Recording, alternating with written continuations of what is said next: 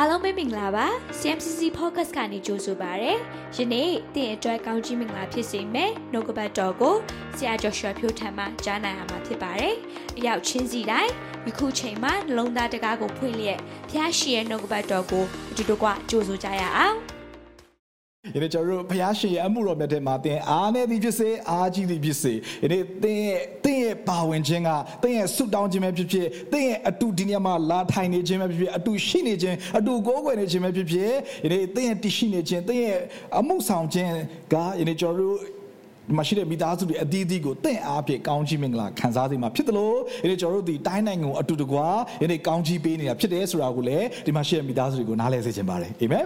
ဆိုတော့ကျွန်တော်ရဲ့အသက်တာထဲမှာအားနေတာအားကြီးရဆိုတဲ့အရာကိုကျွန်တော်တို့ဆင်ကျင်တဲ့အခါမှာအာကျွန်တော်ဒီအလေးတကူအရင်ပြောချင်ပါတယ်ကျွန်တော်ရဲ့အာဒီအသက်တာနဲ့ပဲအသီးသီးမှာလူတွေကအောင်မြင်ချင်ကြတယ်နော်ကျွန်တော်မကြာခဏပြောပါတယ်အောင်မြင်ချင်တာကမမှားဘူးဒါပေမဲ့ဒီနေ့ကျွန်တော်ရဲ့အသက်တာထဲမှာဘသူနဲ့အတူအောင်မြင်မှာလဲဘသူအထဲမှာအောင်မြင်မှာလဲဆိုရကကျွန်တော်တို့အတွက်ပို့ပြီးတော့မှအင်မတန်မှအရေးကြီးတာဖြစ်တယ်เนาะဆိုတော့ကျွန်တော်တို့เนาะကျွန်တော်တို့ရဲ့အသက်တာထဲမှာလောကထဲမှာအောင်မြင်ရင်တော့ကျွန်တော်တို့အင်မတန်မှ danger ဖြစ်တယ်ပေါ့နော်အင်မတန်မှအန်တရာယ်များလိမ့်မယ်ဒါပေမဲ့ခရစ်တော်အထဲမှာသင်အောင်မြင်တယ်ဆိုလို့ရှိရင်တော့သင်ဒီအောင်မြင်တတ်တော်သူဖြစ်တယ်အာမင်သင်ဒီအောင်မြင်တော်သူဖြစ်လိမ့်မယ်ပြီးတော့သင်ဒီအောင်မြင်တော်သူတဲ့အောင်မြင်တော်သူဖြစ်လိမ့်မယ်ဆိုတော့လူတွေရဲ့တရားတွေမှာအောင်မြင်ခြင်းကိုလိုချင်ကြတယ်ကိုယ့်ရဲ့ စီးပွားရေးလုပ်ငန်းအောင်မြင်ခြင်းနဲ့လုပ်ငန်းခွင်မှာအောင်မြင်ခြင်းနဲ့အဲကိုယ့်ရဲ့เนาะဒီကိုလှုပ်ဆောင်နေရမှာကိုယ့်ရဲ့အလုပ်ရှင်ဒါမှမဟုတ်ကိုယ့်ရဲ့ boss ပေါ့နော်ဒါမှမဟုတ်ကိုရှိနေတဲ့အကြောင်းမှာကိုယ့်ရဲ့ကိုလုပ်နေရတဲ့ assignment ကိုလုပ်နေရတဲ့လုပ်ငန်းဆောင်တာကို assign ကိုယ့်ရဲ့ဒီ work တွေကိုပေါ့နော်အောင်မြင်ခြင်းကြတယ်ဒါပေမဲ့လူတွေတော်တော်များဘာကြောင့်မအောင်မြင်ကြလဲဆိုတဲ့အရာထဲမှာဖျားရှင်ကျွန်တော်ကဘာကိုနိုးစောဒီဒီယာကိုနိုးစောတဲ့အခါမှာကျွန်တော်ဒီယာလေးကိုဝေမျှခြင်းတယ်ပထမတစ်ချက်ကတော့ဒီနေ့လူတွေတော်တော်များများမအောင်မြင်ရခြင်းအကြောင်းရည်ဒီအကြောင်းရင်းဒီမိမိရဲ့အားနည်းခြင်းကိုမသိလို့ဖြစ်တယ် မိမိရဲ့အားနည်းခြင်းကိုမသိရတဲ့ကြောင့်ပဲပထမတစ်ချက်ဒုတိယချက်ကဘာလဲဆိုလို့ရှိရင်မိမိရဲ့အားနည်းခြင်းကိုဝန်မခံတတ်တာဖြစ်တယ်မမီးရဲ့အားနည်းခြင်းကိုဝန်မခံတတ်ဘူးဆိုတော့အဲ့ဒီအရာတွေကကျွန်တော်တို့ကျွန်တော်ရဲ့အသက်တာနယ်ပယ်ဒီမှာကျွန်တော်ရဲ့ professional နယ်ပယ်မှာကျွန်တော်ရဲ့အမှုဆောင်ခြင်းနယ်ပယ်ထဲမှာဖြစ်ဖြစ်ပေါ့နော်ကျွန်တော်ရဲ့ဝိညာဉ်ရေးအသက်တာထဲမှာဖြစ်ကျွန်တော်ဘာကြောင့်မအောင်မြင်မတိုးတက်မကြီးထွားတဲ့ဆိုလို့ရှိရင်အဲ့ဒီဒီရေဘူးအဖြစ်ပေါ့နော်ကျွန်တော်တို့မြင်တွေ့ရတဲ့ဒီအချက်လေးနှစ်ချက်ကိုကျွန်တော်တို့တွေ့ရတာဖြစ်တယ် ဒီမှာရှေ့မိသားစုများကျွန်တော်ရဲ့အသက်တာထဲမှာစစ်မှန်တဲ့နှိမ့်ချခြင်းကဘယ်ကလာတာလဲအာပြောမယ်ဆိုလို့ရှိရင်တော့အများကြီးရှိမှာပေါ့နော်ဘုရားရဲ့အချစ်ကိုခံရခြင်းပြီးတော့ဘုရားရှင်ရဲ့ခွင့်လွှတ်ခြင်းခံရခြင်းဆိုတော့အဲ့ဒီຢာတွေကျွန်တော်တို့မြောင်များစွာရှိသလိုနောက်တစ်ခုကဘာလဲဆိုရင်အဲ့ဒီစစ်မှန်တဲ့နှိမ့်ချခြင်းကဘယ်ကလာလဲဆိုလို့ရှိရင်တင့်ကိုတင်တင်ဒီမိမိဒီအားနည်းသောသူဖြစ်တယ်ဆိုတာကိုသိမှတ်တတ်တဲ့အတွက်ကြောင့်ဖြစ်တယ်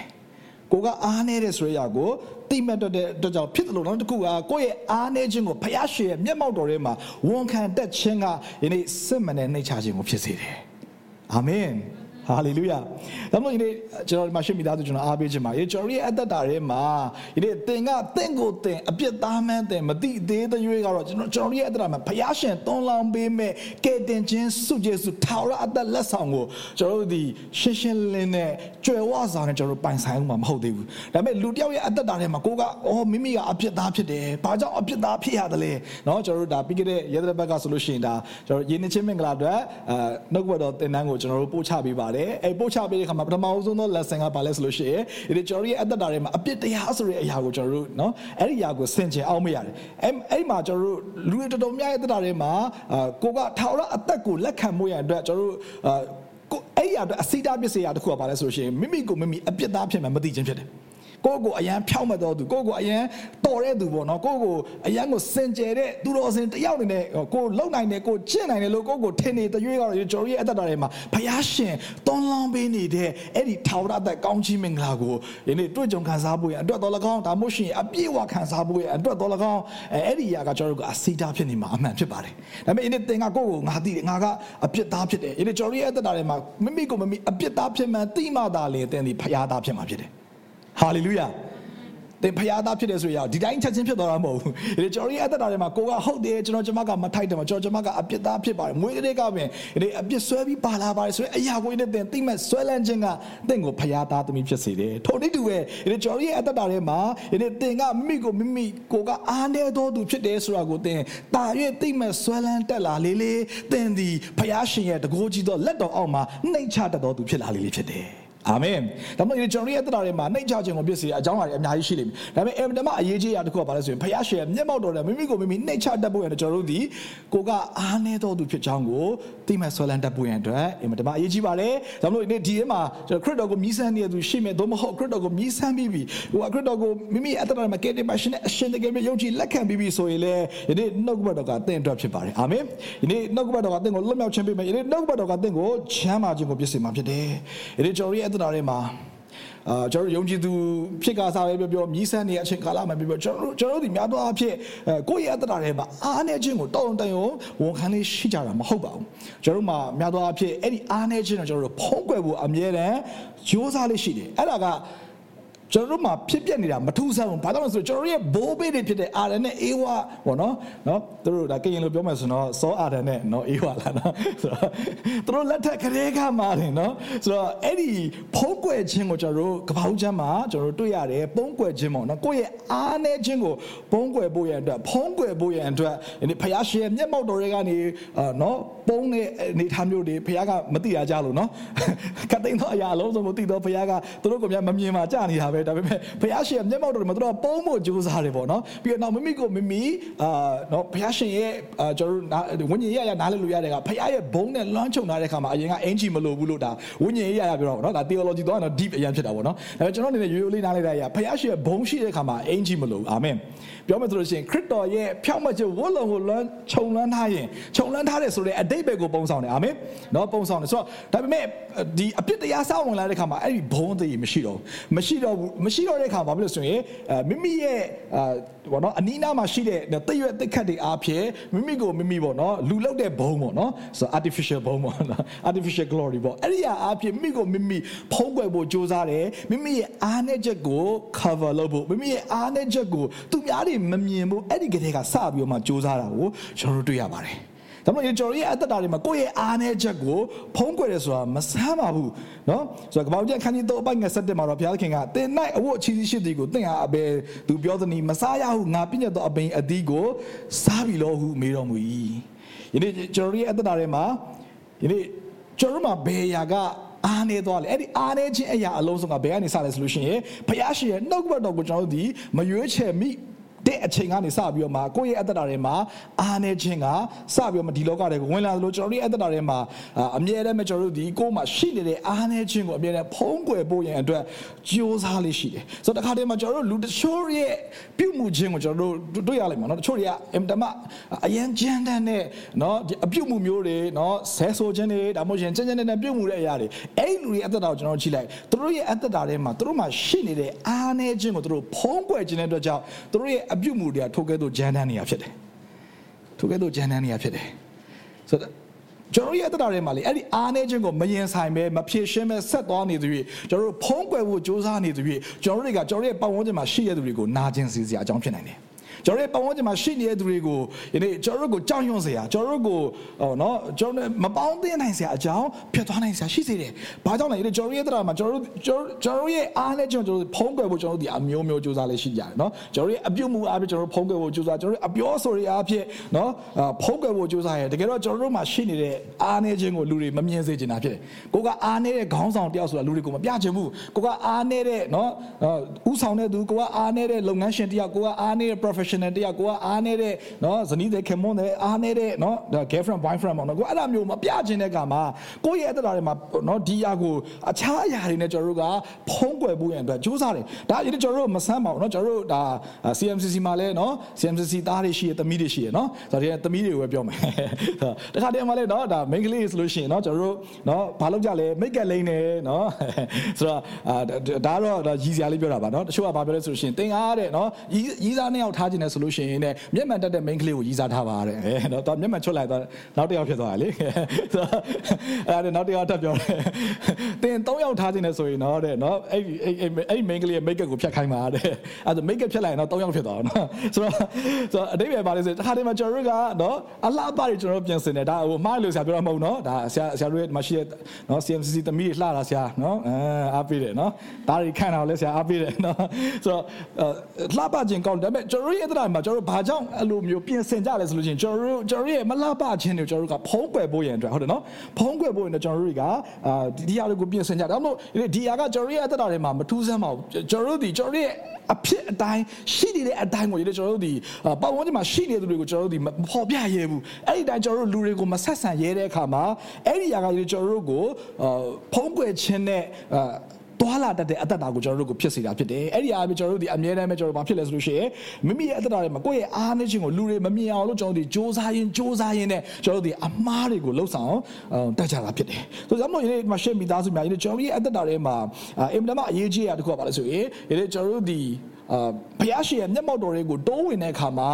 နံပါတ်1ချက်ကဘာလဲဆိုရင်သင်ဒီအားနည်းသောသူဖြစ်တဲ့ဆိုရာကိုသင်ဒီဝန်ခံရင်ဆိုင်တတ်ဖို့လိုအပ်ပါတယ်။ ဒီမှာရှင်မိသားစုများဒီကျွန်တော်ရဲ့အသက်တာထဲမှာဒီဖះရှင်မျက်မှောက်တော်တွေကိုတိုးဝင်တဲ့အခါမှာဒီကျွန်တော်တို့ဒီကိုရောကျွန်တော်ကျမကအားနေတော်သူဖြစ်ပါတယ်ကိုရောကျွန်တော်ကျမကဘယ်ဟာမှာတော့အားနေတော်သူဖြစ်တယ်ကျွန်တော်တို့ဘုရားရှင်ရှေ့တော်မှာကျွန်တော်တို့ဒီမဖုံးကွယ်ပဲနဲ့ဘုရားရှင်ကိုကျွန်တော်တို့ဒီနော်ဘုရားရှင်အကုန်လုံးကိုသိတဲ့အခါမှာကျွန်တော်တို့ပြောနေလဲပေါ့နော်ကျွန်တော်ဖုံးကွယ်လဲမထူပါဘူးနော်ဆိုတော့ဖုံးကွယ်ပဲနဲ့ကိုရောကျွန်တော်ကျမကအားနေပါတယ်ဆိုရအောင်ကျွန်တော်တို့ဒီဝန်ခံတတ်ခြင်းကဒီနေ့သင်ရဲ့အတ္တတွေမှာစစ်မှန်တဲ့လွတ်မြောက်ခြင်းကိုစတင်ခံစားရမှာစီမှာဖြစ်တယ် သင်ရဲ့တရားတွေမှာဘုရားရှင်ရဲ့ချိုးဖောက်အောင်မြင်ခြင်း breakthrough တကိုးကအဲ့ဒီအချိန်မှာစတင်ပြီးတော့မှခံစားစရာအကြောင်းဖြစ်တယ်။ကြောင့်မလို့ယနေ့မရှက်မိသားစုတွေကျွန်တော်အားပေးခြင်းပါတယ်။ယနေ့ဘုရားရှင်ရဲ့အကြီးမြတ်ဆုံးသောဘုရားရှင်မျက်မှောက်တော်ထဲမှာယနေ့သူ့ရဲ့သူပြုသောအံ့ဘော်သောအမှုရာကိုသင်တွေ့ကြုံခံစားခြင်းနဲ့ဆိုလို့ရှိရင်သင်ဝန်ခံတတ်ဖို့အင်မတန်မှအရေးကြီးပါတယ်။မဟုတ်ရင်ဘာဖြစ်လဲဆိုလို့ရှိရင်ကျွန်တော်တို့က အဲ့ဒီတိုက်ပွဲကိုကိုကပဲတိုက်နိုင်တဲ့ရောင်ရောင်အဲ့ဒီဆောင်းပွဲကိုကိုကပဲဖြေးနိုင်တဲ့ရောင်ရောင်ကိုကစူးစမ်းနေတဲ့ရွေးကတော့ဒီကျော်ရီရဲ့အသက်တာထဲမှာဘုရားရှင်တခါတည်းမှာဘုရားရှင်ကသူစောင့်နေတဲ့အချိန်ခါလေးရှိတယ်ပေါ့နော်သူအမှုမပြုတ်သေးဘူးဘာကြောင့်လဲဆိုရှင်တင်ကတင့်ကိုတင်အားကြီးရလို့ထင်နေတာနော်ဒါကျွန်တော်ပတ်ဝန်းကျင်တွေမှာရှေ့သူလေဒီလိုမျိုးဖြစ်တယ်လို့မျိုးဝိညာဉ်ရေးရမှာလေတခါတည်းမှာကိုကဘာဖြစ်တယ်ဆိုရှင်ကိုကဒီအရာကိုကိုကဒီဒီအကျင့်ဆိုးကိုငါဖြတ်နိုင်တယ်ဒါမှမဟုတ်ရှင်ဒီကိစ္စကိုငါရအောင်လုပ်လိုက်ဒီဝိညာဉ်ရေးဆောင်းပွဲကိုငါရအောင်ဖြေနိုင်တယ်လို့တခါတည်းမှာကိုကနော်ကိုစ조사နေတဲ့၍နော်စ조사ကိုယ့်ရဲ့အားနည်းခြင်းကိုကျွန်တော်တို့ဝန်မခံနေတဲ့၍ဘာဖြစ်လဲဆိုရှင်ကျွန်တော်တို့ဒီဘုရားရှင်ရဲ့လက်ရတော်ကျွန်တော်တို့ဒီ မြင်ရဖို့ရတဲ့အင်မတန်ခဲနေမှာဖြစ်တယ်။များသောအားဖြင့်လေကျွန်တော်တို့ဒီကိုယ့်ရဲ့အားနည်းခြင်းကိုဖုံးကွယ်ဖို့ကြိုးစားတဲ့အခါမှာကျွန်တော်ကျွန်တော်လူတွေရဲ့ရှေ့မှာကျွန်တော်တို့ဒီ perfect ဖြစ်ချင်ကြတယ်။ကျွန်တော်တို့ဒီပြည့်ပြည့်စုံတဲ့သူဖြစ်ချင်ကြတယ်။ဒီမှာရှေ့မိသားစုတွေတည့်ရတဲ့မှာအဲ့လိုမျိုးအင်မတန်မှ perfectionism ပေါ့နော်။အာကျွန်တော်တို့ဘာကြောင့်တစ်ခါတည်းမှာအချိန်ဆွဲကြလဲနော် procrastinate ဘာကြောင့်လုပ်ကြလဲ။ဘာကြောင့်နော်တစုံတစ်ခုကိုအနှင်းလိုက်ရင်ဘာကြောင့်နော်အတော်ကြာပြီးတော့မလုပ်ဖြစ်ရလဲဆိုရဲအကြောင်းရင်းတွေပေါ့နော်။အများကြီးထဲမှာပေါ့တစ်ခုကပါလဲဆိုကျွန်တော်တို့ဒီစုံလင်စုံလင်ခြင်းကိုကျွန်တော်တို့နှစ်သက်ကြတယ်။ဒါပေမဲ့မရှိမိသားကျွန်တော်အားပေးခြင်းခရစ်တော်ထဲမှာသာလေစစ်မှန်တဲ့စုံလင်ခြင်းရှိတယ်အာမင်အဲ့ဒါကြောင့်နေသင်ရဲ့တရားတွေမှာသင်ကတကယ်စစ်မှန်တဲ့စုံလင်ခြင်းကိုသင်ရယူခြင်းနဲ့ဆိုလို့ရှိရင်တကယ်စစ်မှန်တဲ့ perfect ကိုသင်တကယ်လိုချင်တယ်ဆိုလို့ရှိရင်ကျွန်တော်တို့ဒီဖယားရှင်ရဲ့မျက်မှောက်တော်တွေကိုတုံးဝင်တတ်ဖို့အတွက်အင်မတန်မှအရေးကြီးပါတယ်ဆိုတော့ဒါမို့ကိုတို့အော်ရာစာဒုတိယဆောင်ခန်းကြီး7နဲ့အပိုင်ငယ်ကိုရှိတာမသိနော်အပိုင်ငယ်ကိုကျွန်တော်မရှင်းမိသားစုများနဲ့အတူတူကဖတ်ချင်ပါတယ် နှစ်ကောခန်းကြီး7နဲ့အပိုင်ငယ်ကိုတင်းနှစ်တော့ငါကျေးဇူးသည်တဲ့ဖို့လောက်ပေ၏ငါတကိုးသည်အားနေခြင်းဖြစ်၌စုံလင်တတ်သည်ဟုမိန့်တော်မူ၏ထို့ကြောင့်ခရစ်တော်၏တကိုးသည်ငါအပေါ်မှာကျင်းဝတ်မြည်ကြောင်းငါကိုယ်၌အားနေခြင်းဖြစ်ကိုဝမ်းမြောက်သောစိတ်နှင့်ဝါကြွားခြင်းငါတာ၍ငါအလိုရှိ၏ဟာလေလုယာဒီမှာရှေ့ယုံကြည်သူမိသားစုများဒီကျော်ရီရဲ့အသက်တာထဲမှာဒီကိုယ့်ရဲ့အားနေခြင်းကိုတင်က သိမြင်နားလည်တက်လာတဲ့အခါမှာဒီကျွန်တော်တို့ဒီခရစ်တော်ရဲ့တကိုးကိုစုံလင်စေသောခရစ်တော်ရဲ့တကိုးကိုယနေ့တွေ့ကြုံခံစားပွင့်တဲ့ယနေ့သင်ရဲ့အသက်တာထဲမှာယနေ့ကြီးမားသောအခွင့်အလမ်းကိုသင်သည်ကနဦးအနေနဲ့စတင်ပြီးတော့မှရရှိနေခြင်းဖြစ်တယ်ဆိုတာကိုကျွန်တော်မရှင်းမိသားစုတွေကိုပြောပြချင်ပါတယ်။အဲဒီကျော်ရီရဲ့အသက်တာထဲမှာအားနည်းစရာအကြောင်းရှိတယ်ဆိုလို့ရှိရင်အဲ့ဒီအားနည်းစရာအကြောင်းတွေကနံပါတ်1ချက်အနေနဲ့ကကျွန်တော်နားလည်လို့ရတဲ့ကသခင်နဲ့တည်ကြွမှုဖြစ်တယ်။ ဒီကျွန်တော်ရဲ့အားနည်းစရာအကြောင်းတွေရှိတာကရှက်စရာမဟုတ်ဘူးနော်အာမင်မရှက်မိသားစုတွေနော်ကျွန်တော်တို့တစ်ခါတည်းမှာကျွန်တော်ရဲ့လုပ်ငန်းခွင်ထဲမှာကျွန်တော်ရဲ့ relationship တွေထဲမှာကျွန်တော်ရဲ့နော်ဒီကိုလှုပ်ဆောင်တဲ့အမှုတော်ပြပဲပြောပြောပေါ့နော်ကိုရဲ့နေပဲအသီးသီးမှာတစ်ခါလေကျွန်တော်ရဲ့ရှိနေတဲ့အားနည်းတဲ့ຢာတွေကျွန်တော်တို့ဒီလူတွေကိုဘာကြောင့်အာဘောနော်ဖော်ပြရဲတယ်လဲဒါမှမဟုတ်ဘုရားကြီးရှိတော်မှာပေါ့ကျွန်တော်ဘာကြောင့်မပြောရလဲဆိုရှင်ကျွန်တော်ကဒီအရာတွေကို share စရာလို့ကျွန်တော်ထင်တယ်ဒီအရာတွေကကျွန်တော်ရဲ့အသက်တာထဲမှာကျွန်တော်ရဲ့အင်မတန်မှပေါ့နော်ဟိုတိတ်ငယ်စရာအကြောင်းဖြစ်တယ်လို့ကျွန်တော်တော်တို့ထင်တဲ့အခါမှာဒီကျွန်တော်တို့ဒီကိုယ့်ရဲ့အားနည်းခြင်းကိုကျွန်တော်တို့ဒီအာဟိုထောက်မပြောရဘူးဖြစ်တယ်ပေါ့နော်ဒါပေမဲ့ကျွန်တော်အားပေးခြင်းတယ်ဒီနေ့သင်ထောက်ပြောရမယ်နေရာရှိရဲ့သင်ထောက်ပြောရမယ်အခြေရှိတယ်အဲ့ဒါကဘယ်နေရာမှာလဲဆိုလို့ရှိရင်ဘုရားရှင်ရဲ့ဒီနေ့သူ့ရဲ့ချစ်ချင်းမြတ်တာနဲ့ပြေဝနေသောမျက်မှောက်တော်သို့မဟုတ်ဘုရားရှင်ရဲ့ဒီနေ့သူ့ရဲ့နော်သူနဲ့ချစ်ချမ်းဝင်တဲ့အချိန်ကာလမှာဒီနေ့သင်ဒီထိုဘုရားရှင်ရဲ့ရှေ့တော်မှာတင့်ရဲ့အားနည်းခြင်းကိုသင်ဒီဝါကြွားစရာအကြောင်းရှိတယ်အာမင်ဟာလေလုယာဘာလို့လဲဆိုလို့ရှိရင်ဒီကျွန်တော်ရဲ့အသက်တာထဲမှာအဲ့ဒီအားနည်းစရာအကြောင်းတွေကိုဘုရားရှင်ဘုရားရှင်ကဒီကျွန်တော်တို့ကိုဖျက်ကျော်စေတယ်ဒါမှမဟုတ်ရှင်ပေးတွေ့ကြုံစေတဲ့အရာတွေကဒီနေ့တည့်ရဲ့အတ္တတာရဲ့နေပယ်အတိအတိတိုင်းမှာသူဒီတဲ့နဲ့အတူရှိနေတယ်ဆိုရကိုဘုရားရှင်ကတဲ့ကိုပေါ်ပြခြင်းတဲ့အတွက်ကြောင့်အာတခါတည်းမှာကျွန်တော်တို့ဒီအဲ့ဒီအခြေအနေကိုကျွန်တော်တို့ဖျက်ကျော်ကြတာဖြစ်တယ်။မရှက်မိသားစုတွေကျွန်တော်ရဲ့အတ္တတာထဲမှာအရင်ကတော့ကျွန်တော်တို့အားနေခဲ့တယ်။အခုအားပြန်ကြီးလာပြီ။ကျွန်တော်အားပေးခြင်းတယ်ကျွန်တော်တို့အားနေတဲ့အချိန်ပြန်ရအောင်မယ်။အားနေတဲ့အချိန်ပြန်ရောက်နိုင်သေးတယ်။ မရှိကျွန်တော်တို့အားလုံးတော့ပတ်ဝန်းကျင်မှာကျွန်တော်တို့အဖြစ်ပြက်တွေမျိုးစုံကြားကြားပါလိမ့်မယ်အင်မတန်မှအောင်မြင်တဲ့စီးပွားရေးလုပ်ငန်းရှင်တွေအင်မတန်မှအောင်မြင်တဲ့နော် professional တွေသူတို့ရဲ့အသက်တာတွေမှာလေ့လာကြည့်တဲ့အခါမှာသူတို့ရဲ့အသက်တာတွေမှာအနှိမ့်မြင့်အတက်ကြတွေအများကြီးရှိတော့ကျွန်တော်တို့တွေ့ရတယ်အာယောသက်ရဲ့ဟောဒီ graph တွေတစ်ချက်လောက်ပြပေးပါအောင်ဒီနေ့မှာတော့ဆရာယောသက်အကြောင်းကိုတော့အထူးအထူးပြောမှာတော့မဟုတ်ဘူးဒါပေမဲ့နှုတ်ကွက်တော်ထဲမှာပေါ့နော်အချို့သောသူတွေအတွက်ဆရာနည်းနည်းလေးပြောပြချင်တယ်ယောသက်ရဲ့အသက်တာထဲမှာအင်မတန်မှဖခင်ရဲ့ အထူးမြတ်တာပေးခြင်းအချစ်ပေးအချစ်အချစ်တွေကိုနော်စုပြုံခံစားရတဲ့တားတယောက်အဖြစ်ကနေပြီးတော့မှဘာဖြစ်လဲဆိုလို့ရှိရင်ဒီနေ့သူ့အကိုတွေရဲ့နော်အာမုံတီးခြင်းကိုခံရတယ်နော်အာအိမ်မက်အကြောင်းပြောတဲ့အခါမှာပို့ပို့ပြီးတော့မုံလာပြီးတော့မှနောက်ဆုံးမှာဘယ်လောက်ထိအောင်လဲဆိုလို့ရှိရင်နော်သူ့ကိုတတ်ဖို့ရအတွက်အကြံစီတာကိုတွေ့ရတယ်ဒါပေမဲ့လည်းဒီအိမ်မှာဖះရှင်လှပတော့လိုက်ရတော့အကြံစီကတတ်ဖို့ရအတွက်မဖြစ်ဘဲနဲ့ဘာဖြစ်လဲဆိုလို့ရှိရင် ရောင်းစားခြင်းခံရတယ်ကျွန်တော်အရင်အရင်ကပြောပထမဦးဆုံးတော့နော်လူကုန်ကူးခြင်းကဘယ်မှာဖြစ်လဲဆိုရင်နော်ကဘာဦးကျမ်းမှာလူကုန်ကူးခံရနော်ဆိုတော့ဘယ်သူကမှသူတို့ကိုကုန်ကူးတာမဟုတ်ဘူးဘယ်သူကမှရောင်းစားတာမဟုတ်သူ့ရဲ့မိသားစုတွေကရောင်းစားတာညီအကိုတွေကရောင်းစားတာနော်ဘယ်လောက်ထိအောင်ခံစားရမလဲနော်ဆိုတော့အခြားသူကသက်စာဖောက်တာမဟုတ်ဘူးအခြားသူကကိုယ့်ကိုဟိုနော်အခြေအနေခက်ခဲအောင်လုပ်တာမဟုတ်ဘူးဒါပေမဲ့သူ့ကိုလှုပ်ဆောင်တာဘာလို့လဲဆိုရင်သူ့ရဲ့သူချစ်ရတဲ့နော်သူ့ရဲ့ညီအကိုတွေသူ့ရဲ့မိသားစုဝင်တွေတဲကနေပြီးတော့မှဒီလိုမလှုပ်ဆောင်တဲ့အခါမှာသူ့ရဲ့အသက်တာထဲမှာ ဘယ်ကိုရောက်တော့အင်မတန်မှနော်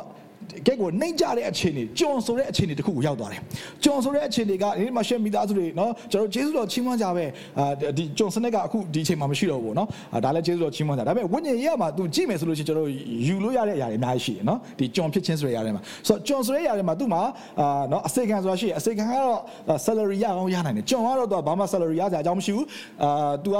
တခင်ခိုင်းတဲ့အတိုင်းလုပ်ရမယ်။တခင်သူ့ကိုပိုင်နေပေါ့နော်။ဆိုတော့သူ့ကိုပိုင်နေပြီးတော့တော့တခင်ထားတဲ့နေရာမှာနေရမယ်နော်။တခင် ငါဘောနော်သူပေးရတဲ့အချိန်မှာချက်ဆိုချက်ရမယ်နော်တခင်ကအိတ်ဆိုအိတ်ရအိတ်အိတ်ကိုကိုမပိုင်ဘူးပြောချင်တဲ့ຢာကလေကိုကိုမပိုင်တဲ့အခြေအနေမျိုးတွေမှာရှေ့ရည်ထားယူရောက်သွားတယ်အရှင်ကတော့အင်တမ အချစ်ကိုခံရတဲ့မိသားစုဝင်နော်ဖူးဖူးမုတ်ခံရတဲ့နော်နော်ဒီမှာနော်တချို့လဲတာမိသားစုဝင်တွေမှာအဲ့လိုရှိရှိလိမ့်မယ်နော်ဟိုအရန်ချစ်တာအဖိုးဘက်ကချစ်အဖွားဘက်ကချစ်အဖေဘက်ကချစ်ဟိုအမေဘက်ကနော်အင်တမဖူးဖူးမုတ်ခံရပြီးမှအချစ်ခံရတဲ့အခြေအနေကနေအခုပဲကိုရောက်သွားဆိုရင်အင်တမနော်နှိမ့်ကြတဲ့အခြေအနေအင်တမအားနေသောအခြေအနေတခုရောက်သွားပြီနေကျွန်တော် grab မှာကြည့်မယ်ဆိုလို့ရှိရင်ဟိုလုံးဝနော်လုံးဝအောက်ဆုံးဆိုတဲ့အခြေအနေတခုသူစပြီးမှသူ့ရဲ့အခြေအနေတခုရောက်သွားပြီနော်ဒီမှာတော့သူပြရရ hills and valleys ပေါ့နော်ဆိုတော့တောင်တောင်တန်းနဲ့ဂျိုင်ဝမ်ပေါ့ဂျိုင်ဝမ်ဆိုတဲ့အခြေအနေတခုသူရောက်သွားပြီဒါပေမဲ့အဲ့လိုအခြေအနေတခုရောက်သွားတဲ့အခါမှာပြီးတော့သူ့ကို Spotify ရဲ့အိမ်ကိုเนาะကျွန်တော်အတူတူပြောမှဆို Spotify အိမ်ကိုရောက်သွားတယ်เนาะအိမ်ကဝယ်လိုက်တဲ့အခါမှာ Spotify ကအာတကယ့်ကိုအင်တမအားကိုရတဲ့ဒုတယောက်အနေနဲ့ပေါ့เนาะသူ Spotify လဲကြည့်စရာမလိုဘူးเนาะအကုန်လုံးအနံထားတဲ့အခြေအနေတစ်ခုကိုထပ်ပြီးတော့မှရောက်သွားတယ်ဆိုတော့ပြောမယ်ဆိုရင်နည်းနည်းလေးကြုံတော့ကြုံမယ်ဒါပေမဲ့ကြုံနေတဲ့မှာမှနည်းနည်းတက်တာတဲ့ကြုံပေါ့เนาะပို့ပြီးတော့နည်းနည်းအဆင့်မြင့်တဲ့ကြုံနေတဲ့အနေအထားတစ်ခုကိုရောက်လာတယ်ဒါပေမဲ့ အဲ့ဒီအချိန်မှာပဲရက်ဟောနော်သူ့ရဲ့အခြေအနေကြီးကအဆင်ပြေသွားပြီဆိုပြီးတော့ဖြစ်နေသလားဆိုတော့အော်နောက်ထပ်ထပ်ပြီးတော့မှသူ့ရဲ့အသက်တာထဲမှာအင်မတန်မှအားနည်းစရာအကြောင်းတစ်ခုထပ်ဖြစ်ပြန်တယ်အဲ့ဒါဘာလဲဆိုလို့ရှိရင်ယာဇို့အတာလို့ဆွဆွဲခံရချက်ဖြစ်တယ်နော် body body ရဲ့မိန်းမကအာနော် သူကရောသက်ကိုတကယ်ပဲအင်မတန်မှနော်ဟိုငယ်လဲငယ်လဲချောလဲချောမောတဲ့ခါမှာနော်သွေးဆောင်ဖြားအောင်တဲ့ခါမှာမအောင်မြင်တဲ့ခါမှာနောက်ဆုံးအပြစ်တွေကိုသူ့ကိုပဲပုံချတဲ့ခါမှာနော်ပိုလီဖာကလည်းရောသက်စကားထက်မယားစကားပဲနားထောင်တယ်လေမယားစကားပဲနားထောင်တော့ boss ကပေါ့နော် boss ကသူ့မိန်းမစကားပဲနားထောင်တော့နောက်ဆုံးမှာရောသက်ကဘာဖြစ်လဲဆိုရင်သူ့ရဲ့အသက်တာတွေမှာတကယ်ကိုအင်မတန်မှဆိုးရွားတဲ့အင်မတန်မှအားနည်းစရာအခြေအနေတစ်ခုဖြစ်တယ်နော်ဒီရာဇဝသားဆိုတဲ့အခြေအနေတစ်ခုရောက်သွားပြီလုံးဝမျောလင့်စရာအခြေအနေမရှိဒီတကယ်ကိုအင်မတန်မှဆိုးရွားတဲ့ဘဝရဲ့အခြေအနေတစ်ခုထပ်ပြီးပြောမယ်ဆိုလို့ရှိရင်ကျွန်တော်ရဲ့အသက်တာတွေမှာတစ်ခါတည်းမှာကျွန်တော်တို့ဒီအဲ့လိုမျိုးဘဝရဲ့အသက်တာနေပဲအတိအမှာဖြတ်ကျော်ရတဲ့နော်အင်မတန်မှပေါ့နော်ဒီတကယ်ကို highest point နဲ့ lowest point လို့ကျွန်တော်ပြောရမလားပေါ့နော် up moment နဲ့ down moment လို့ကျွန်တော်ပြောရမလားအင်မတန်မှဒီနေ့အောင်မြင်တဲ့အခြေအနေကာလအချိန်ကာလကျွန်တော်ရှိသလိုအင်မတန်မှတကယ်ကိုနှိမ်ဆင်းသွားတယ်တကယ်ကိုအောက်ကိုထိုးဆင်းသွားတဲ့အခြေအနေမျိုးတွေလည်းရှိကောင်းရှိနိုင်တယ်ဒါပေမဲ့ Jesus တော်ချီးမွမ်းစရာတစ်ခုကဘာလဲဆိုလို့ရှိရင်ဖယားရှင်သည်ယနေ့ကျွန်တော်တို့ဟိုတကယ်ကိုပေါ့နော်ဟိုးအမြင့်ဆုံးကိုတက်နေတဲ့အချိန်ကမှဖြစ်နေပါစေနော်တောင်ပေါ်ကိုတက်နေတာပဲဖြစ်ဖြစ်နေပါလိမ့်စေဂျိုင်ဝမ်ကိုဆင်းနေတဲ့အချိန်ကမှဖြစ်နေပါစေဖယားရှင်သည်သင်တဲ့သူရှိတော်ဖယားဖြစ်တယ်အာမင်အဲ့ဒီຢာကယနေ့ကျွန်တော်တို့ကိုယနေ့အားနေတော်သူအဖြစ်ကနေဖယားရှင်ရဲ့ရွေးနှုတ်ခြင်းကိုခံစားသိမှာဖြစ်တယ်ဟာလေလုယာဒီနေ့ကျွန်တော်ရဲ့အသက်တာထဲမှာအဲ့ဒီအားနေခြင်းကဂျေဇုတော်ချီးမွမ်းစရာဘာလဲဆိုလို့ရှိရင်အားနေစရာအခြေအနေအားနေစရာအကြောင်းအရာတွေကထိုဖျားရှင်တဲ့နှစ်ဖူးတွေဒူတွေတွေ့ကြုံစေဖို့ရန်အတွက်ဖြစ်တယ်။ ဒီခါလေးမှာကျွန်တော်တို့အင်တမအားကြီးတဲ့အချိန်မှာဖျားရှင်ကိုမလိုဘူးလေဟုတ်တယ်နော်။အင်တမအားကြီးရလေဖျားကိုမလိုဘူး။ဆိုတော့ဖျားကိုမလိုတဲ့အခါမှာဘာဖြစ်လဲဆိုလို့ရှိရင်အဲကျွန်တော်တို့ရဲ့အသက်တာထဲမှာကိုကိုလုံနိုင်တယ်ကိုစားနိုင်တယ်ဒီခါလေးမှာကျွန်တော်တို့ဘာနဲ့တူလဲဆိုလို့ရှိရင်အာတခါတည်းမှာကျွန်တော်တို့ရဲ့အသက်တာဒီအသက်ရှင်တဲ့အခါမှာဖះရှင်ကိုဟိုမသိသေးတဲ့သူတွေလိုမျိုးပဲကျွန်တော်တို့အသက်ရှင်တဲ့အခါမှာဘာလို့ကိုရှာနိုင်တယ်ကိုလုံနိုင်တဲ့အခါမှာကိုအဆင်ပြေတဲ့အခါမှာကိုကိုအားနေလို့မထင်တော့ဘူးဒါပေမဲ့အချို့သောအခြေအနေတွေကိုဖះရှင်က special permission နဲ့ဖះရှင်ခွင့်ပြုတဲ့ຢာကဘာလဲဆိုရင် သူ့ရဲ့မျက်မှောက်တော်ကနေတဖြည်းဖြည်းဝေးသွားတဲ့တင့်ကိုပြန်ပြီးတော့ဆွဲခေါ်ဖို့ရတဲ့ဘုရားရှင်ကတခါတည်းမှာဂျိုင်ဝမ်ဆိုတဲ့အတွေ့အကြုံတွေကိုတင့်ကိုပေးတွေးကြုံတာဖြစ်တယ်တချို့တွေအတွက်ကကြတော့အသက်ရှင်သောဖခင်ကိုမြည်ဆန်းမှုရန်အတွက်အင်မတန်မှဂျိုင်ဝဲဆိုတဲ့အခြေအနေတွေကိုဖျက်ကျော်ရတယ်။အချို့တွေကကြတော့ဖခင်ရှင်စီကိုပြန်လဲလာဖို့ရန်အတွက်အားနည်းသောအခြေအနေတွေကိုကျွန်တော်တို့ဒီ တွေ့ကြုံရစေနိုင်တယ်။ဒါကြောင့်ကျွန်တော်ပြောပြချင်တဲ့အရာကတော့ဘုရားရှင်ကတင့်ကိုပြန်ခေါ်ခြင်းတဲ့အတွက်ကြောင့်တင့်ကိုယောဂပေးတဲ့ဘုရားတော့မဟုတ်ဘူးနော်။တင့်ကိုဒုက္ခရအောင်လုပ်တဲ့ဘုရားတော့မဟုတ်ဘူး။ဒါပေမဲ့ဘုရားရှင်ကတခါတည်းမှာ special permission နဲ့အချို့သောအခြေအနေတွေကိုဖြတ်ကျော်စေဖြတ်ကျော်စေနိုင်တယ်ဆိုတော့ကျွန်တော်နားလည်ဖို့ရတဲ့ဖြစ်တယ်။အဲ့ဒီအားဖြင့်ကျွန်တော်တို့ရဲ့အသက်တာထဲမှာအသက်ရှင်သောဘုရားကိုရည်ကျွန်တော်ဒီနှစ်ဖူးတွေတူတွေတွေ့ကြုံခံစားစေစရာအကြောင်းဖြစ်စေတာဖြစ်တယ်။ ဒီခါလေးမှာကျွန်တော်တို့ဒီအင်တာမအောင်မြင်နေတဲ့ခါမှာအင်တာမကျွယ်ဝနေတဲ့ခါမှာကျွန်တော်တို့နော်ဒါအခုနောက်ပိုင်းကျွန်တော်တို့တွေ့ရပါလိမ့်မယ်ဒီအနောက်တိုင်းနိုင်ငံအနောက်နိုင်ငံတွေတိုင်းနိုင်ငံတွေမှာဆိုအရန်ကိုအဆင်ပြေတဲ့တိုင်းနိုင်ငံတွေမှာဘုရားဆိုတာမလိုတော့ဘူးလေဆိုတော့သူတို့ရဲ့အသက်တာတွေမှာတကယ့်ကိုနော်အဆင်ပြေချောမွေးတဲ့အခြေအနေမျိုးမှာသူတို့ဒီ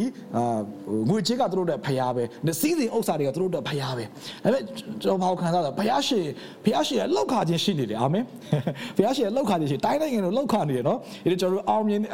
အောင်မြင်ဆုံးတကယ်ကိုအတိုးတက်ဆုံးဆိုတဲ့တိုင်းနိုင်ငံတွေအခုလောက်ခါခြင်းခံရ2020မှာနော်လောက်ခါခြင်းရှိနေတယ်ကျွန်တော်နားလဲစေချင်တယ်ဝိညာဉ်ရေးကနားလဲစေချင်တယ်နော်ဘုရားရှင်ဒီຢာတွေကိုဘာကြောင့်ခွင့်ပြုလဲမှန်တယ်နောက်ဆုံးသောကာလကတာ၍နီးနေပြီနောက်တစ်ခုကဘာလဲဆိုအဲ့လောက်ခါခြင်းတွေကဘာလဲဆိုလို့ရှိရင်ကျွန်တော်ရဲ့အသက်တာထဲမှာအင်တမအားနေတဲ့အခြေအနေတွေဖြစ်သွားပါစေအဲ့ဒီအခြေအနေတွေမှာဘုရားရှင်နဲ့တာ၍တွေ့ကြုံခံစားခံစားစရာအကြောင်းဖြစ်ပေါ်နေတာဘုရားရှင်ပြင်ဆင်ပေးနေတာဖြစ်တယ်ဒါမို့ လူတွေတော်တော်များများပြောင်းလဲတဲ့ပြောင်းလဲကြတဲ့အခါမှာအသက်တာပြောင်းလဲတဲ့အခါမှာကျွန်တော်တို့ဘာကိုတွေ့ရလဲဆိုလို့ရှိရင်ဖះကိုမြည်ဆန်းပြီးတော့မှပြောင်းလဲလာတဲ့သူရဲ့အသက်တာတွေမှာကျွန်တော်တို့ဘာကိုတွေ့ရလဲဆိုလို့ရှိရင်တော်တော်များများဒီသူတို့ရဲ့အသက်တာတွေမှာအားနေတဲ့အခြေအနေတွေသူတို့ဖျက်ချော်ခဲ့တာဖြစ်တယ်ကိုရောကိုရောကိုမြည်ဆန်းခြင်းတယ်ကျွန်တော်ကျမတို့ဒီပြဿနာတော့တက်နေပြီဒီဟာတော့ဖြစ်နေတယ်ဒါပေမဲ့ကျွန်တော်ကျမဘယ်လိုလုပ်အောင်လဲမသိဘူးကိုရောကိုခေါ်ပါတယ်ဟိုဆရာပြောတဲ့ဒါမှမဟုတ်ရှင် ဘေးကအတော်ကြီးပြောတဲ့ဒါပေမဲ့ကျွန်တော်ရဲ့တငယ်ချင်းပြောတဲ့ကျမရဲ့တငယ်ချင်းပြောတဲ့ယေရှုကိုကျွန်မခေါ်ပါတယ်ဟာလေလုယာဒီနေ့ကျွန်တော်ရဲ့တရားထဲမှာအဲ့ဒီအားနေတဲ့အချိန်ခါမှာထိုဘုရားရှင်ကိုခေါ်တဲ့အခါမှာထိုဘုရားရှင်ရဲ့လှပတဲ့မဆာခြင်းလှပတဲ့ဘုရားရှင်ရဲ့လက်ရတော်နဲ့ထောက်ပံ့ခြင်းကိုကျွန်တော်ဒီအသက်တာမှာတွေ့ကြုံခံစားတဲ့အခါမှာအော်ဒီဘုရားကဒီနေ့အသက်ရှင်တော်ဘုရားပါလားဆိုကျွန်တော်တို့ဒီထိုဘုရားရှင်ကိုမြည်ဆန်းတွေ့ကြုံစရာအကြောင်းဖြစ်လာတယ် မဟုတ်ရင်တော့ကျွန်တော်ရဲ့တရားတွေမှာအင်မတန်မှခိုင်မာနေတဲ့ခါမှာငါကအင်မတန်မှအောင်မြင်တဲ့သူငါကအင်မတန်မှလောက်နိုင်တဲ့သူလို့ကျွန်တော်တို့ဒီအမြဲတမ်းတွေးနေတဲ့ခါမှာအဲ့လူရဲ့တရားထဲမှာအာဘုရားရှင်ဘုရားရှင်ကိုလိုအပ်တယ်ဆိုတာကိုသူကတွေးအောင်မှမဟုတ်သေးဘူးဒါပေမဲ့ကျွန်တော်ရဲ့တရားထဲမှာအာမိမိကိုမိမိအားနေတယ်လို့နားလေတတ်ခြင်းကဘုရားရှင်ရဲ့ချစ်ချင်းမေတ္တာကိုတင်ဒီအကြီးအကျယ်ကြိုးစိုးဖို့တင်ဒီပြင်ဆင်နေရဖြစ်တယ်အာမင်ဒီနေ့ဒီမှာရှင်မိသားစုတွေဒီကျွန်တော်ရဲ့တရားထဲမှာအင်မတန်မှနှိမ်ကျသွားတဲ့အခြေအနေတိုင်းမှာ ယောသရဲ့တရားမှာကျွန်တော်ဘာကိုတွေ့ရလဲဆိုရှင်ထာဝရဘုရားသည်ယောသနဲ့အတူရှိတော်မူတယ်ယောသသည်နှိမ်ကြတဲ့အချိန်တိုင်းကိုရောက်သွားပါစေအင်တမအားနေစေတဲ့သူ့ရဲ့တရားမှာအခြေအနေတွေကိုသူရောက်သွားနေပါစေနှုတ်ဘတော်မှာအမြဲတမ်းမှတ်တမ်းတင်နေရကတခြားຢာတွေကျွန်တော်ထူးထူးထူးထူးတော့မတွေ့ရဘူးအဲ့ဒီမှာဘုရားရှင်နဲ့ယောသနဲ့ relationship ကိုဘာပဲပြောလဲဆိုလို့ရှိရင်အဲ့လိုအခြေအနေဖြစ်တော်ညာလဲပဲထာဝရဘုရားသည်ယောသနဲ့အတူရှိတော်မူတယ် အာမင်မရှိမိသားစုတွေဒီနေ့ထိုဘုရားသည်အသက်ရှင်သောဘုရားဖြစ်တယ်ထိုဘုရားသည်အတုရှိသောဘုရားဖြစ်တယ်ဟာလေလုယာအေမာနွေလာတယ်အေမာနွေလာရဲ့အတိတ်ပြာကြီးကျွန်တော်နဲ့အတုရှိသောဘုရားထိုဘုရားရှင်ဒီကက်ကပါကုံတိတိုင်အတုရှိတယ်လို့သိရဲ့အသက်တာရဲ့အနှိမ့်အမြင့်အတက်ကြတိုင်းမှာရှိနေသောဘုရားဖြစ်တယ် ကျွန်တော်တခါတည်းမှာကျွန်တော်အမြင့်ကိုရောက်နေတဲ့အချိန်ကမှဘုရားရှင်အတုရှိခြင်းကိုတခါလေကျွန်တော်သိမခံစားရအောင်နော်ဒါပေမဲ့များသောအားဖြင့်ကျွန်တော်ခံစားတဲ့အချိန်ကာလပါဆိုရင်အင်မတန်မှအောက်ထက်ကိုထိုးစင်းတဲ့အချိန်ကာလတွေမှာကျွန်တော်တို့ဒီထိုဘုရားရှင်ရဲ့အတုရှိခြင်းကိုကျွန်တော်တို့ဒီတာရွေးတွေ့ကြုံစရာအကြောင်းရှိတယ်အာမင် ဆိုတော့ဒါမှမဟုတ်မရှိမိသားကျွန်တော်အားပေးခြင်းနဲ့ကျွန်တော်ရဲ့အတ္တမှာရှုံးနေခြင်းကိုတင်မကြောက်ပါနဲ့အားနေခြင်းကိုတင်မကြောက်ပါနဲ့တင်တင့်ကိုတင်အားနေနေဆိုတဲ့အရာကရှက်ရွံ့စရာမဟုတ်ဘူးဒါပေမဲ့အဲ့ဒီအရာကပါဆိုတော့ဘုရားရှင်နဲ့တင်တာ၍နှစ်ဖိုးတဲ့တို့တဲ့တွေ့ကြုံစရာအကြောင်းဖြစ်တဲ့ဆိုတာကိုတင်ဒီယေရှုတော်ချီးမွမ်းစရာဖြစ်တယ်ယောသဲတရာမှာနောက်ဆုံးလုံးဝကိုနော်အဆုံးသူ့ရဲ့တဖြည်းဖြည်းထိုးဆင်းထိုးဆင်းနေတဲ့အရာကဘယ်လောက်ထိအောင်ဆင်းသွားလဲဆိုလို့ရှိရင်သူကထောင်ထဲကျနေပြီဆိုတဲ့အခြေအနေကနေပြီးတော့မှနော်လွတ်စရာလွတ်လဲလဲမရှိဘူးဘယ်နှစ်ချလဲဆိုတာလည်းမသိဘူးနော်ဟိုသူ့ကိုတကယ်ပဲဒီဒီထဲမှာပဲဒီထောင်ထဲမှာပဲဘဝကြီးကိုဆုံးသွားမယ့်အနေထားကနေပြီးတော့မှမျောလင့်စရာလမ်းစာလေးပေါ်လာတယ်အဲ့ဒါပါလဲဆိုလို့ရှိရင်အိမ်မက်အနက်ကိုဘာသာပြန်ပေးခြင်းဖြစ်တယ်ဘာသာပြန်ပေးတဲ့အခါမှာအဲ့မှာရှိနေတဲ့ဒီ မူးမတ်ရေပေါ့နော်ဒီဖာရောဘီယင်ကိုဆက်တာနေရတဲ့မူးမတ်နှစ်ယောက်မှာသူဘာသာပြန်ပြီးတဲ့ခါမှာအချင်းချုပ်ရုံပဲဆိုတော့တယောက်ကသူဘာသာပြန်လိုက်တဲ့နော်အိမ်မက်အနက်ကိုဘာသာပြန်တဲ့ຢာကမှန်သွားတဲ့ခါမှာတယောက်ကလွတ်သွားတယ်ဒါပေမဲ့ तू ကပြောတယ်နော်သင်လွတ်သွားတဲ့ဆိုလို့ရှိရင်ကျွန်တော်ကိုနော်သတိရပါလို့ပြောပြောမယ်သတိမရတော့ဘူးနော်ဆိုတော့ကိုကဂျေစုပြုတယ်ဒါပေမဲ့ကိုဂျေစုပြုတဲ့ຢာကလည်းနော်ပြန်ပြီးမခံစားရဘဲနဲ့ဆက်ပြီးတော့မှသူ့ရဲ့အသက်တာထဲမှာတာ၍နော်ဟိုဘာမှမျောလင်းစရာအကြောင်းမရှိတော့တဲ့အင်မတန်မှနှိမ်ပါတဲ့အခြေအနေတစ်ခုကို ပို့ပြီးရောက်သွားတယ်ပေါ့ပြောမယ်ဆိုလို့ရှိရင်အင်မတန်မှပို့ပို့ပြီးနှိမ်သွားတဲ့နှိမ်ပါသွားတဲ့အသက်တာသို့မဟုတ်ပို့ပို့ပြီးတော့မှအားနေသွားတဲ့အခြေအနေတစ်ခုကိုရောက်သွားတယ်ဒါပေမဲ့အဲ့ဒီအခြေအနေမှာလဲထာဝရဘုရားသည်ယောသနဲ့တူရှိတယ်ဟာလေလုယာအဲ့ဒီအခြေအနေတိုင်းမှာကျွန်တော်တို့ဒီထိုဘုရားရှင်ကိုတာ၍စစ်မှန်စွာနဲ့တွေ့ကြုံခံစားစရာအကြောင်း ဖြစ်လာစေတယ်။ဒါမှမဟုတ်ကြော်ရီအသက်တာတွေမှာကျွန်တော်တို့ဖြတ်ကျော်ရတဲ့အခြေအနေတွေမျိုးစုံရှိပါလိမ့်မယ်။တခါတည်းမှာကိုကလှုပ်ဆောင်နေရဒါမှမဟုတ်တခါတည်းမှာကိုလှုပ်တာမဟုတ်အခြားသူကလှုပ်တာ။တခါတည်းမှာကိုလည်းမလှုပ်အခြားသူလည်းမလှုပ်ဘူးပတ်ဝန်းကျင်ကဖြစ်နေတာနော်။အခြေအနေပတ်ဝန်းကျင်ကဖြစ်နေတဲ့အချိန်ခါမျိုးမှာအခုဆိုဒါ COVID-19 အခြေအနေဆိုလို့ရှိရင်နော်သူလည်းလောက်တာမဟုတ်ကိုလည်းလောက်တာမဟုတ်တချို့ကတော့တရုတ်တရုတ်ကနော်တရုတ်ရဲ့ made in China ပေါ့နော်တချို့ကလည်းပြောတာပေါ့နော်ဒါပေမဲ့ပြောနော်ဒါအသေးချာလည်းကျွန်တော်ပြောလို့မရပါဘူးနော်ဆိုတော့ဒါပေမဲ့သူတို့တော်တော်စွမ်းတယ်နော်ဒီ made in China တော်တော်လေးတာရှိခံတယ်နော်အရင်ကဆိုရင်ပါကျွန်တော်တရုတ်ဆက်တရက်ဆုပ်အခုကတော့တရက်နဲ့မရတော့တစ်နှစ်တောင်ဖြစ်သွားပြီနော် happy birthday တောင်လုပ်နေကြပြီ covid 19 နော်အော်တော်တော်လေး strong တာနော်ပဝန်းကျင်အခြေအနေအားဖြင့်နော်အင်မတန်မှကျွန်တော်ရဲ့အသက်တာထဲမှာအားနေစရာကြောင့်ကိုမျောလင်းထားရရမဖြစ်တော့ဘူးအိမ်မက်အကြံစီအကုန်ပြတ်သွားတော့ညာလဲပဲအဲ့ဒီအားနေတဲ့အချိန်ခါမှာပဲလေဘုရားရှင်အတုရှိခြင်းကတင့်ရဲ့အသက်တာထဲမှာကြီးမားတဲ့အပြောင်းလဲတွေကိုဖြစ်စေဖို့ရတာဖြစ်တယ်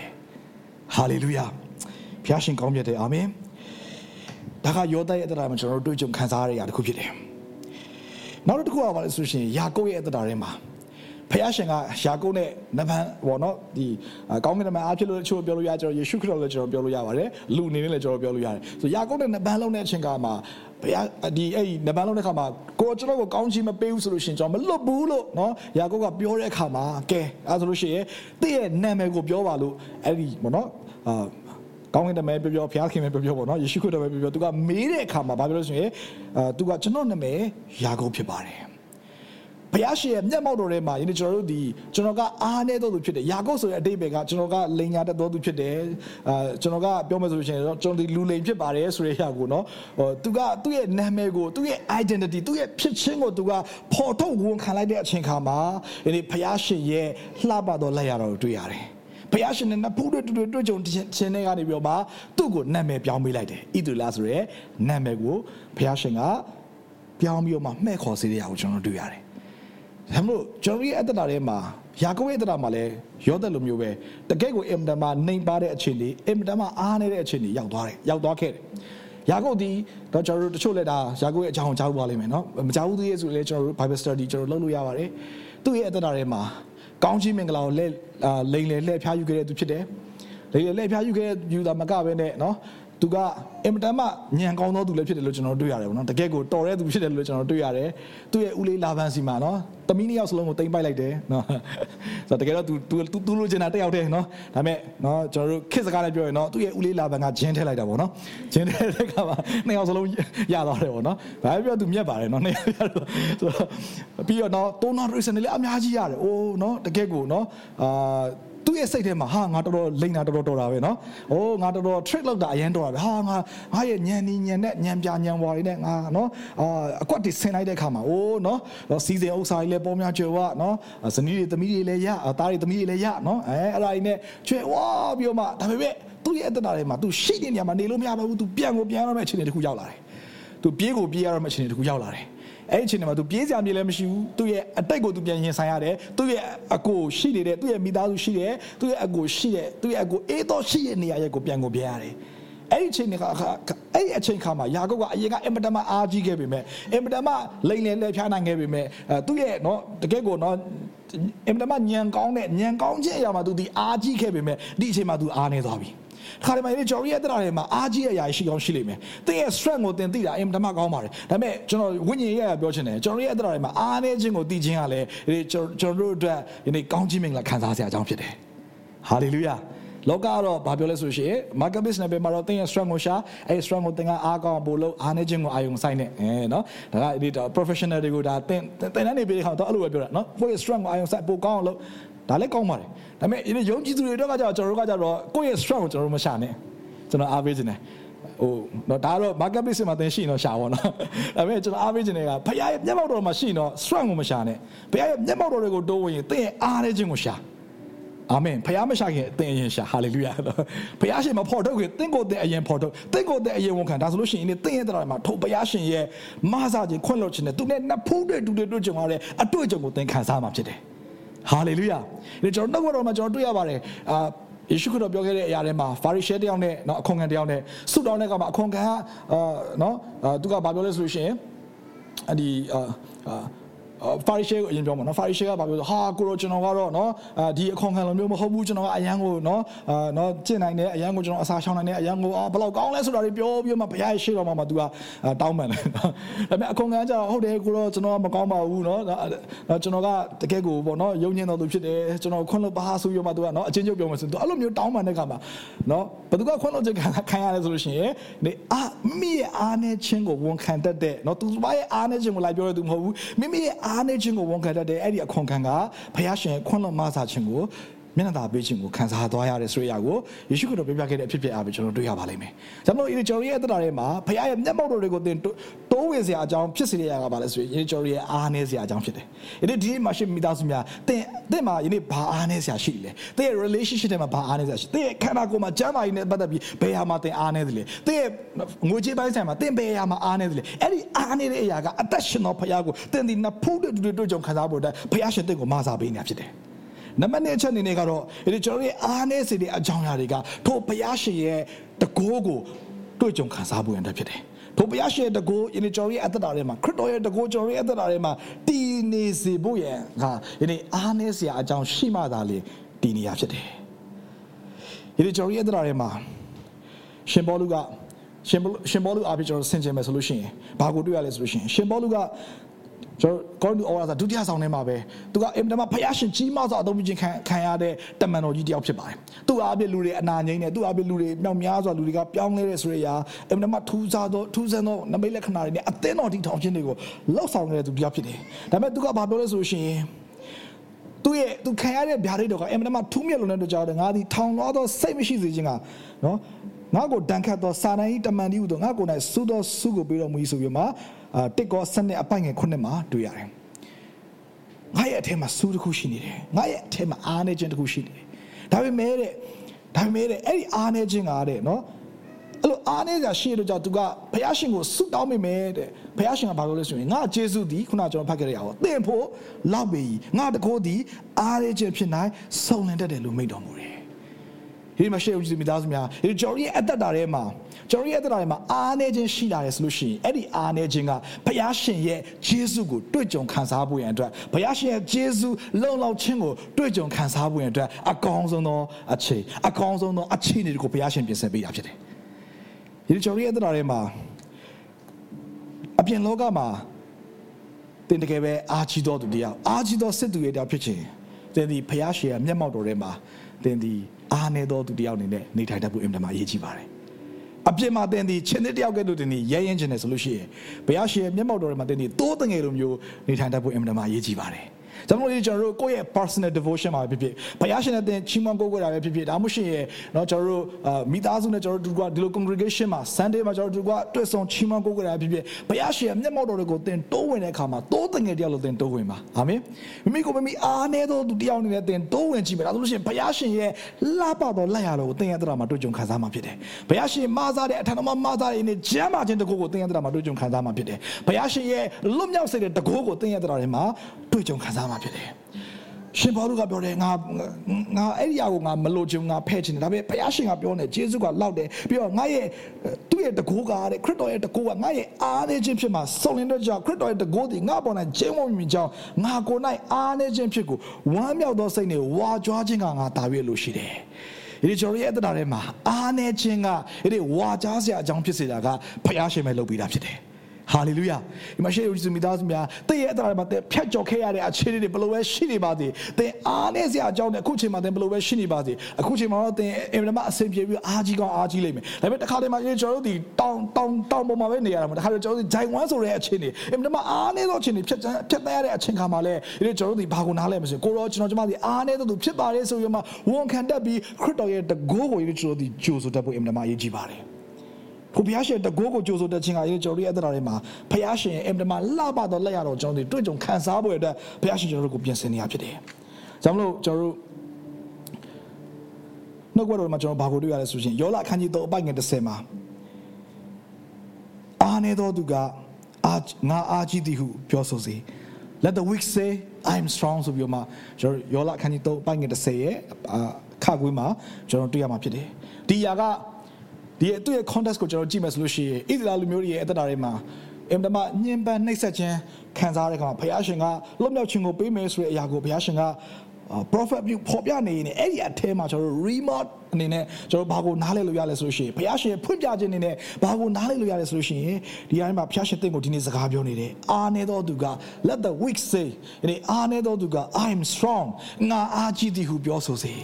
ဒီကျွန်တော်ရဲ့တရားတွေမှာဘုရားရှင်ရဲ့မျက်မှောက်တော်တွေမှာကိုအားနေနေဆိုရရကိုတဲ့ဒီဝန်ခံတတ်ခြင်းကဒီကျွန်တော်တို့ကိုဘာကိုဖြစ်စေလဲဆိုလို့ရှိရင်ကျွန်တော်ကျမသည်ယေရှုခရစ်တော်အားဖြင့်ကျွန်တော်ကျမသည်အားကြီးတော်သူဖြစ်တယ်ဆိုတာကိုထိုမျက်မှောက်တော်ထဲမှာပင်လေဝန်ခံစရာအကြောင်းဖြစ်စေတယ်ဟာလေလုယာဒီမှာရှင်မိသားစုများကျွန်တော်ရဲ့တရားတွေမှာကျွန်တော်